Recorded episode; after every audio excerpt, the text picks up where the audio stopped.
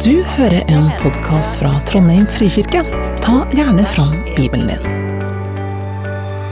Dere var en gang døde på grunn av misgjerningene og syndene deres. Dere levde i dem på den nåværende verdens vis og lot dere lede av herskeren i himmelrommet, den ånd som nå er virksom i de ulydige.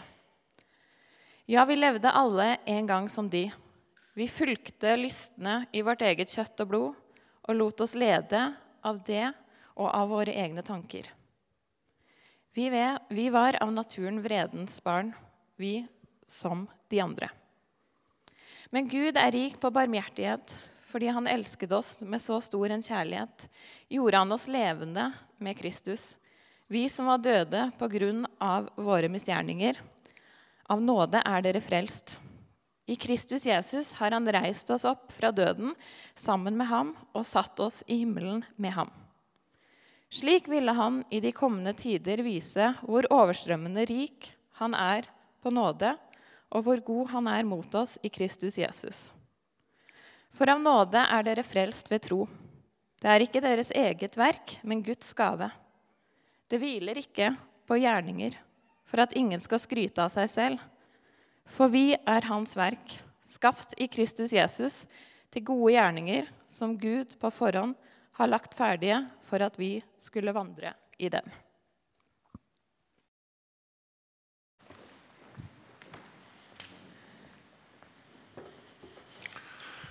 I eh, kapittel 1 har Paulus nå lovprist Gud for hans store makt og kraft den kraft som vekte Jesus opp fra de døde og satte han ved hans høyre hand i himmelen, over alle makter og myndigheter.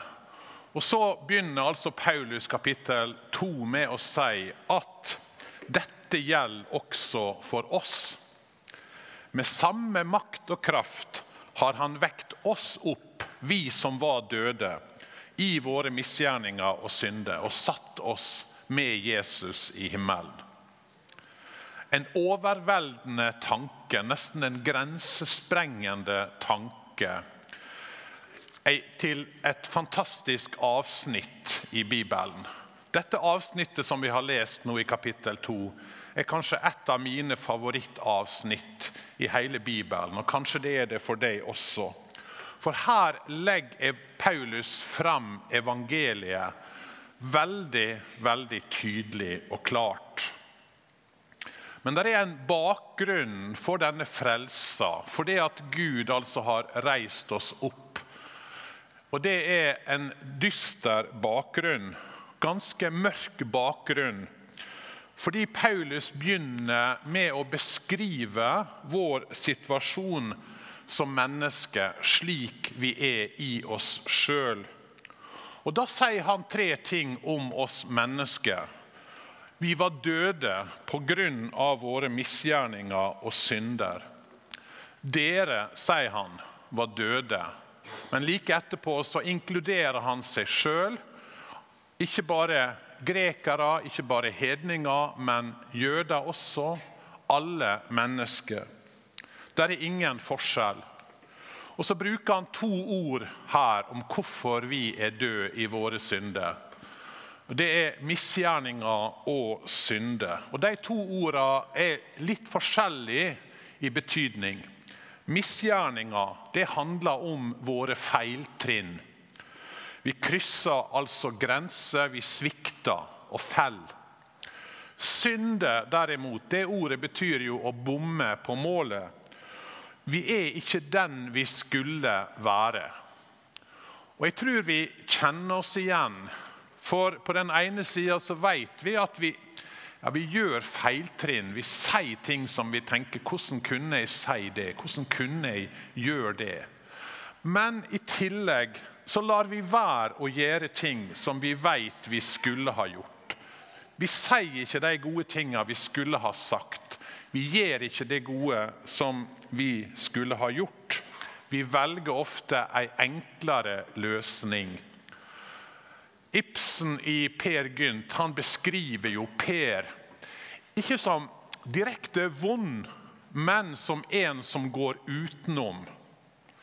Og Det er litt av det som er dette med ordet synd. Å ikke være den du egentlig er, eller skulle ønske at du var. Du kjenner deg ikke igjen. Hvorfor er jeg sånn?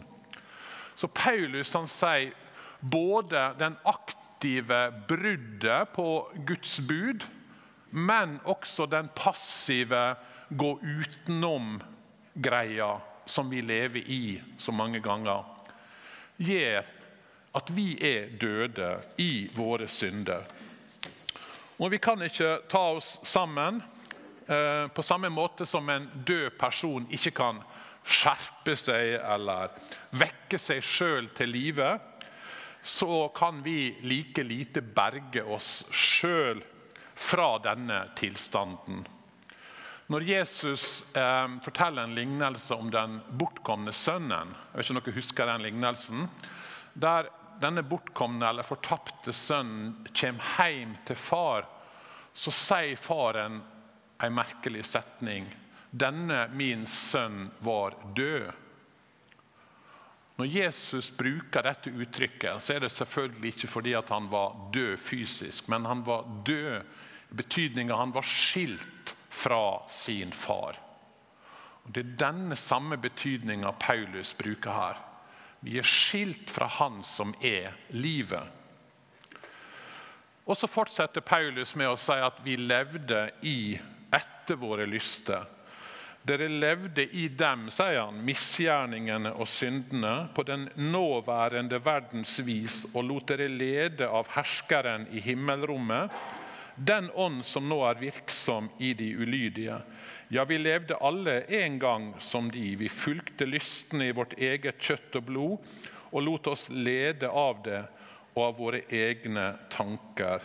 Legg merke til hvor tydelig Paulus sier at vi blir leda. Vi blir leda av lystne, vi blir leda av herskeren. Vi levde på denne verdens vis. Paulus minner oss på at vi lar oss lede, vi blir påvirka. Her er det krefter som vil dra oss i feil retning. Og De tre kreftene det går igjen i Bibelen.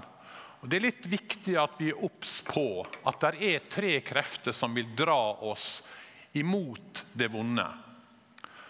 Det er verden, det er djevelen, og det er lystne i vårt eget kjøtt og blod. De virker sammen for å dra oss vekk fra Gud, få oss til å gjøre feiltrinn, få oss til å bomme på målet. Jeg brukte et eksempel i en tidligere tale. Sett at du kan snyte på skatten uten at du blir oppdaga. Du har en mulighet. Hva vil verden si? Jo, den sier ja, alle gjør det. Bare se på stortingsrepresentanter.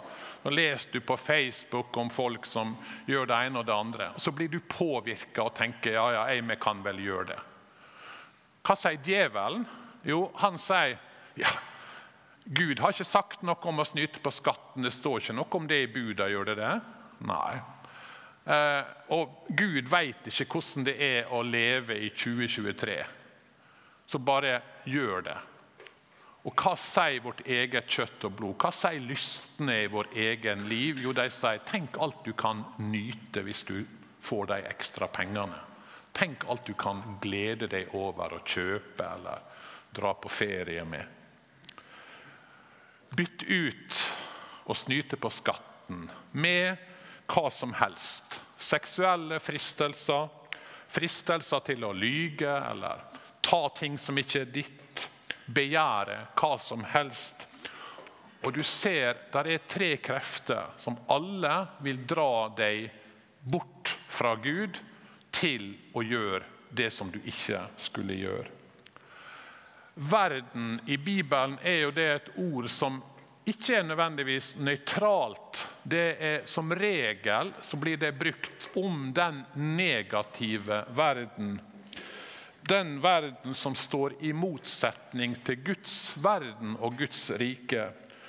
og de verdiene som står imot det som er Guds verdier.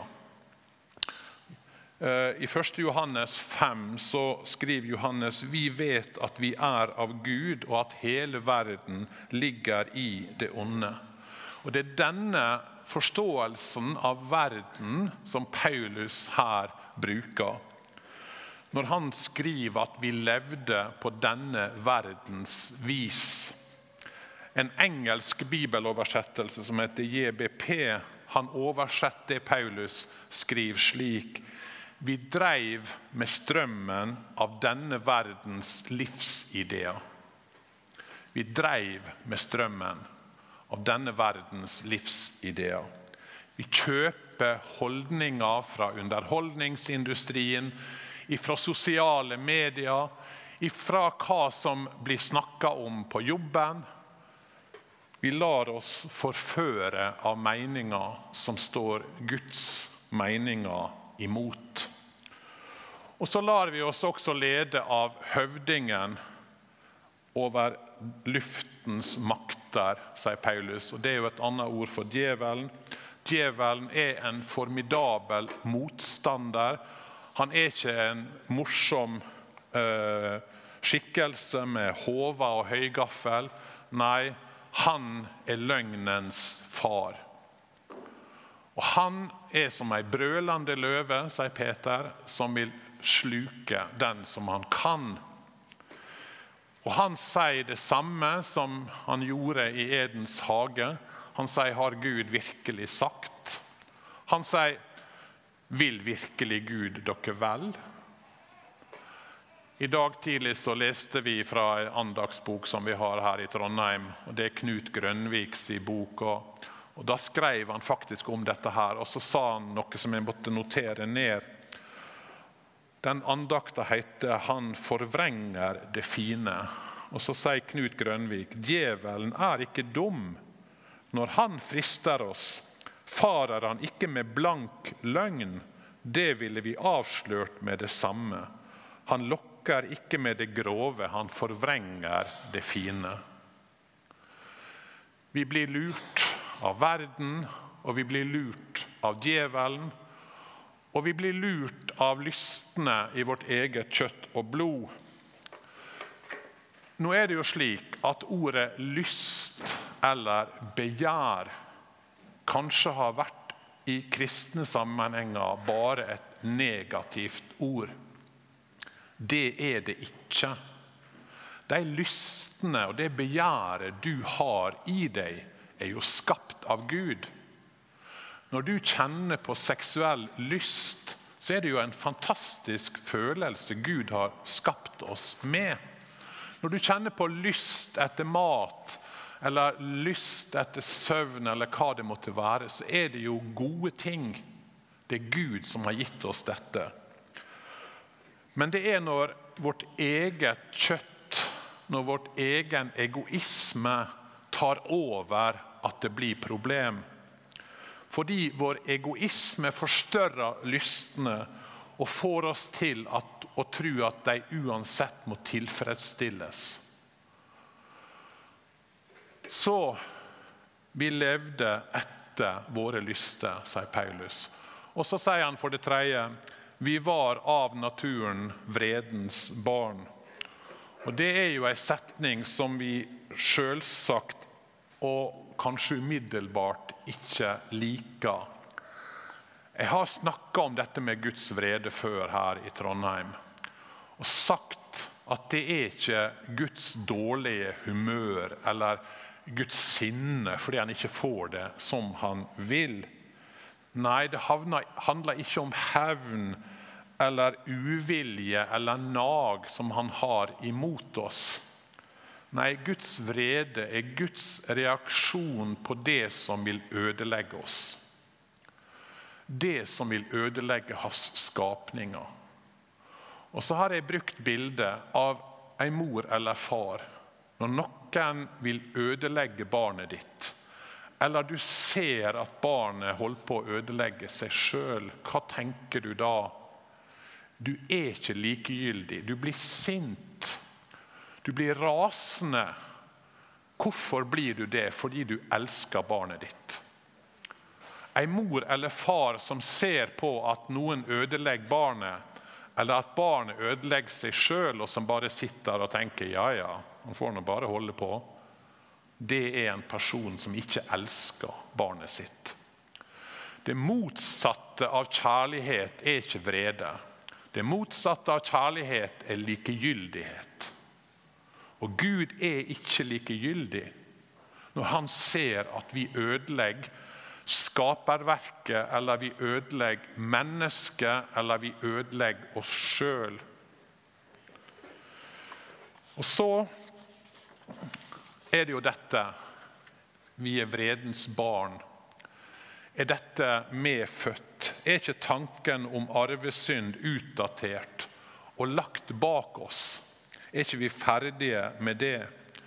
Og Det er litt interessant at mens det blir snakka mindre og mindre om arvesynd, og at dette er noe som vi har med oss så blir i kirka og i kirkene, så blir det snakka mer og mer om det av filosofer og andre.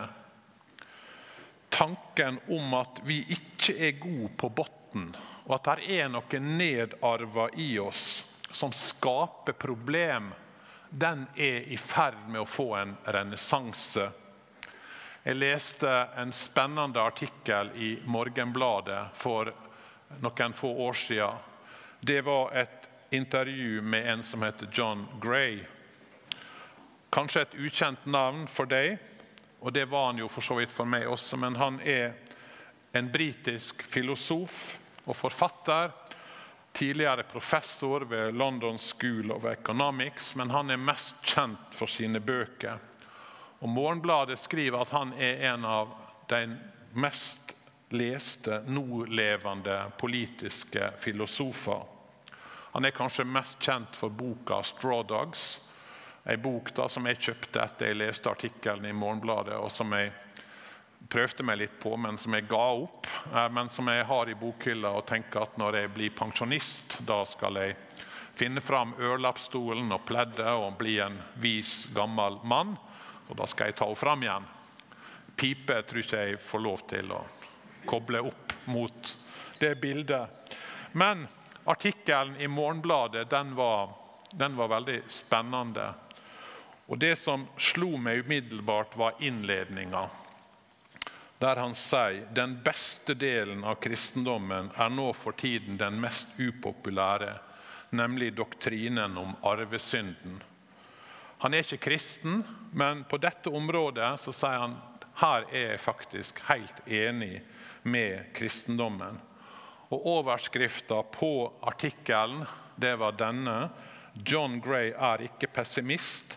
Han mener bare at mennesket er en uforbederlig synder. Og Det strider jo mot veldig mange som tenker at ja, men det går jo framover i verden. Det går bedre og bedre. Men det sier John Gray, det er en illusjon, og det er ikke historisk. Han sier menneskets historie er en serie av katastrofer med sporadiske perioder av fred og sivilisasjon. Og Han vil denne trua til livs, at vi er i ferd med å skape en bedre verden denne trua sier han, det stammer fra våre emosjonelle lengsler og ikke fra vår fornuftige erkjenning. Og så sier han Problemet er at vi er ikke gode. Vår natur er svak og feilbarlig. Og så avslutter han sånn Det krokete tømmeret som er mennesket, kan ikke rettes ut, sier han. Og Bare ved å innse vår egen tilstand kan vi ha håp om å oppnå en gradvis forbedring. Så langt John Gray. Men han minner meg om noe som også Luther sa, og som Luther henta fra kirkefaderen Augustin, nemlig at vi mennesker vi er innkrøkt i oss sjøl. Og Augustin han sa at vi er incurvatus in se. og Det er et veldig berømt uttrykk for at vi mennesker er innkrøkt i oss sjøl. Vi er oss sjøl nok, som Per i Per Gynt. Og Her rører vi ved kjerna i den kristne trua. kjerna i kristendommen. Er mennesket egentlig godt og trenger bare litt hjelp og støtte? Eller er vi døde og har ikke sjans til sjøl å reise oss opp? Og Det er det Bibelen og det er det Paulus sier da i denne teksten. Vi kan ikke frelse oss sjøl. Kan en død ta seg sammen og komme til liv igjen? Nei. Kan en død bare skjerpe seg og reise seg opp? Nei. Betyr det at en kristen mener at en som ikke tror på Jesus, ikke kan gjøre noe godt? Selvsagt ikke. Det er stor forskjell på, på det menneskelige nivået. Det er stor forskjell mellom Hitler og moder Teresa. Det er jo som noen hopper over to meter i høgde. Andre kanskje her i salen hadde klart 1,50. Skal ikke ta noe håndsopprekning. Noen av oss hadde strevd med én meter. Og så tenker du ja, det er stor forskjell. Men hvis målet er å hoppe 200 meter høyt, ja, så er det på en måte forskjell, men det er likevel noe fundamentalt problematisk for alle. Og Det er det Bibelen sier. Det er noe fundamentalt problematisk for alle. I forholdet til Gud er vi uten håp om å frelse oss sjøl. Og så tenker du kanskje er ikke dette deprimerende, da? Og Det kan hende at noen opplever det sånn. Og Kirka har kanskje av og til blitt oppfatta som om den er ute etter å gjøre folk til syndere. Ute etter å plage folk. Ute etter å få dem til å føle seg elendige. Sånn som jeg leste i ei bok av Philip Jensi, for å sitere han igjen. da. Han, han hadde en venn da, som jobba blant de mest eh, eh, nedslåtte på sørsida av Chicago. Eh, og Der treffer han altså ei prostituert, narkoman, ung mor med en, en unge på to år. og Hun forteller om livet sitt. Og Jeg vil ikke gjenta det hun forteller, for det var så ille. Så han her er vennen han helt, han får helt vondt i magen. Han blir helt slått ut. Og Så sier han men du har ikke tenkt at du kunne gå til ei kirke og få hjelp. da, sier han til henne. Og Så sier han han kunne ikke glemme det ansiktsuttrykket som denne prostituerte satte opp. Kirka? Jeg føler jo meg allerede elendig og helt på bunnen. Hvorfor skulle jeg gå til ei kirke og, og få dem til å føle meg enda verre? Det var hennes bilde av kirka få meg til å føle meg enda verre. Men det er ikke det Bibelen er ute etter. Det er ikke det Kirka er ute etter. Det er ikke derfor vi har gudstjeneste og forkynner om evangeliet. Men det er fordi at du skal få ha et rett bilde av deg sjøl. Noen går jo ikke til doktoren fordi de er redd for at de skal få en diagnose om at de er syke. Det er jo ikke særlig klokt. Det er jo når en er syk at en trenger medisin. Det er jo når en er syk at en trenger helbredelse. Og Bibelen gir oss altså en alvorlig diagnose. Vi kan ikke frelse oss sjøl. Vi kan ikke frelse oss sjøl. Det må et under til. Og så er det det Paulus så fantastisk bryter inn i denne teksten med to ord. Men Gud, sier han. Men Gud. Vi var under Guds vrede, men Gud. Vi var døde, men Gud har oppreist oss. Det måtte et under til, og det gjorde Gud i Jesus Kristus. Og Så sier han han gjorde oss levende med Kristus og så sier han i Kristus har han reist oss opp fra døden sammen med han. I Kristus har han satt oss i himmelen sammen med han. Det er det Gud har gjort i Jesus Kristus. Det høres nesten ut til å være for godt til å være sant. Det er nesten utrolig at vi er reist opp, at vi er, sitter i himmelen sammen med Han. Går det an? Og Da er det en tanke i Bibelen som vi har snakka om. Ingebrigt har snakka om det flere ganger. Dette uttrykket 'allerede har det skjedd', og ennå ikke fullt ut. Kom Guds rike med Jesus? Ja. Sjuke ble helbreda, døde sto opp igjen, evangeliet ble forkynt for fattige. Men kom Guds rike fullt ut? Nei, enda ikke kommet fullt ut. Og Det å holde fast på begge deler er helt sentralt i Bibelen.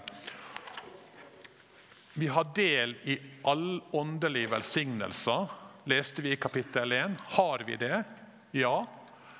Har vi det fullt ut sånn som vi skulle ønske? Nei, enda ikke.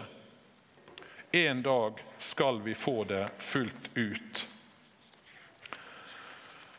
Uh, og det er her også dette begrepet at vi sitter i himmelen sammen med Han, kommer inn.